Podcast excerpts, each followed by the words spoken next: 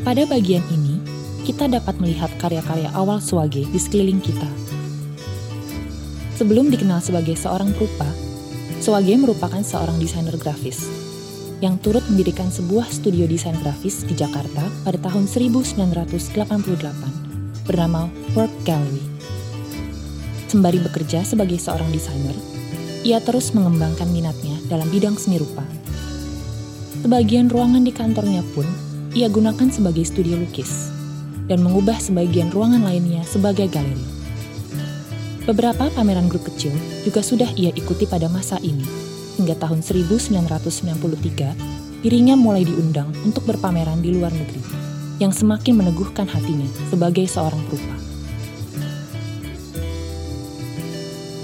Suwagi menetap di Duren Sawit, Jakarta Timur, pada masa-masa kericuhan politik yang berujung pada kerusuhan Mei 1998.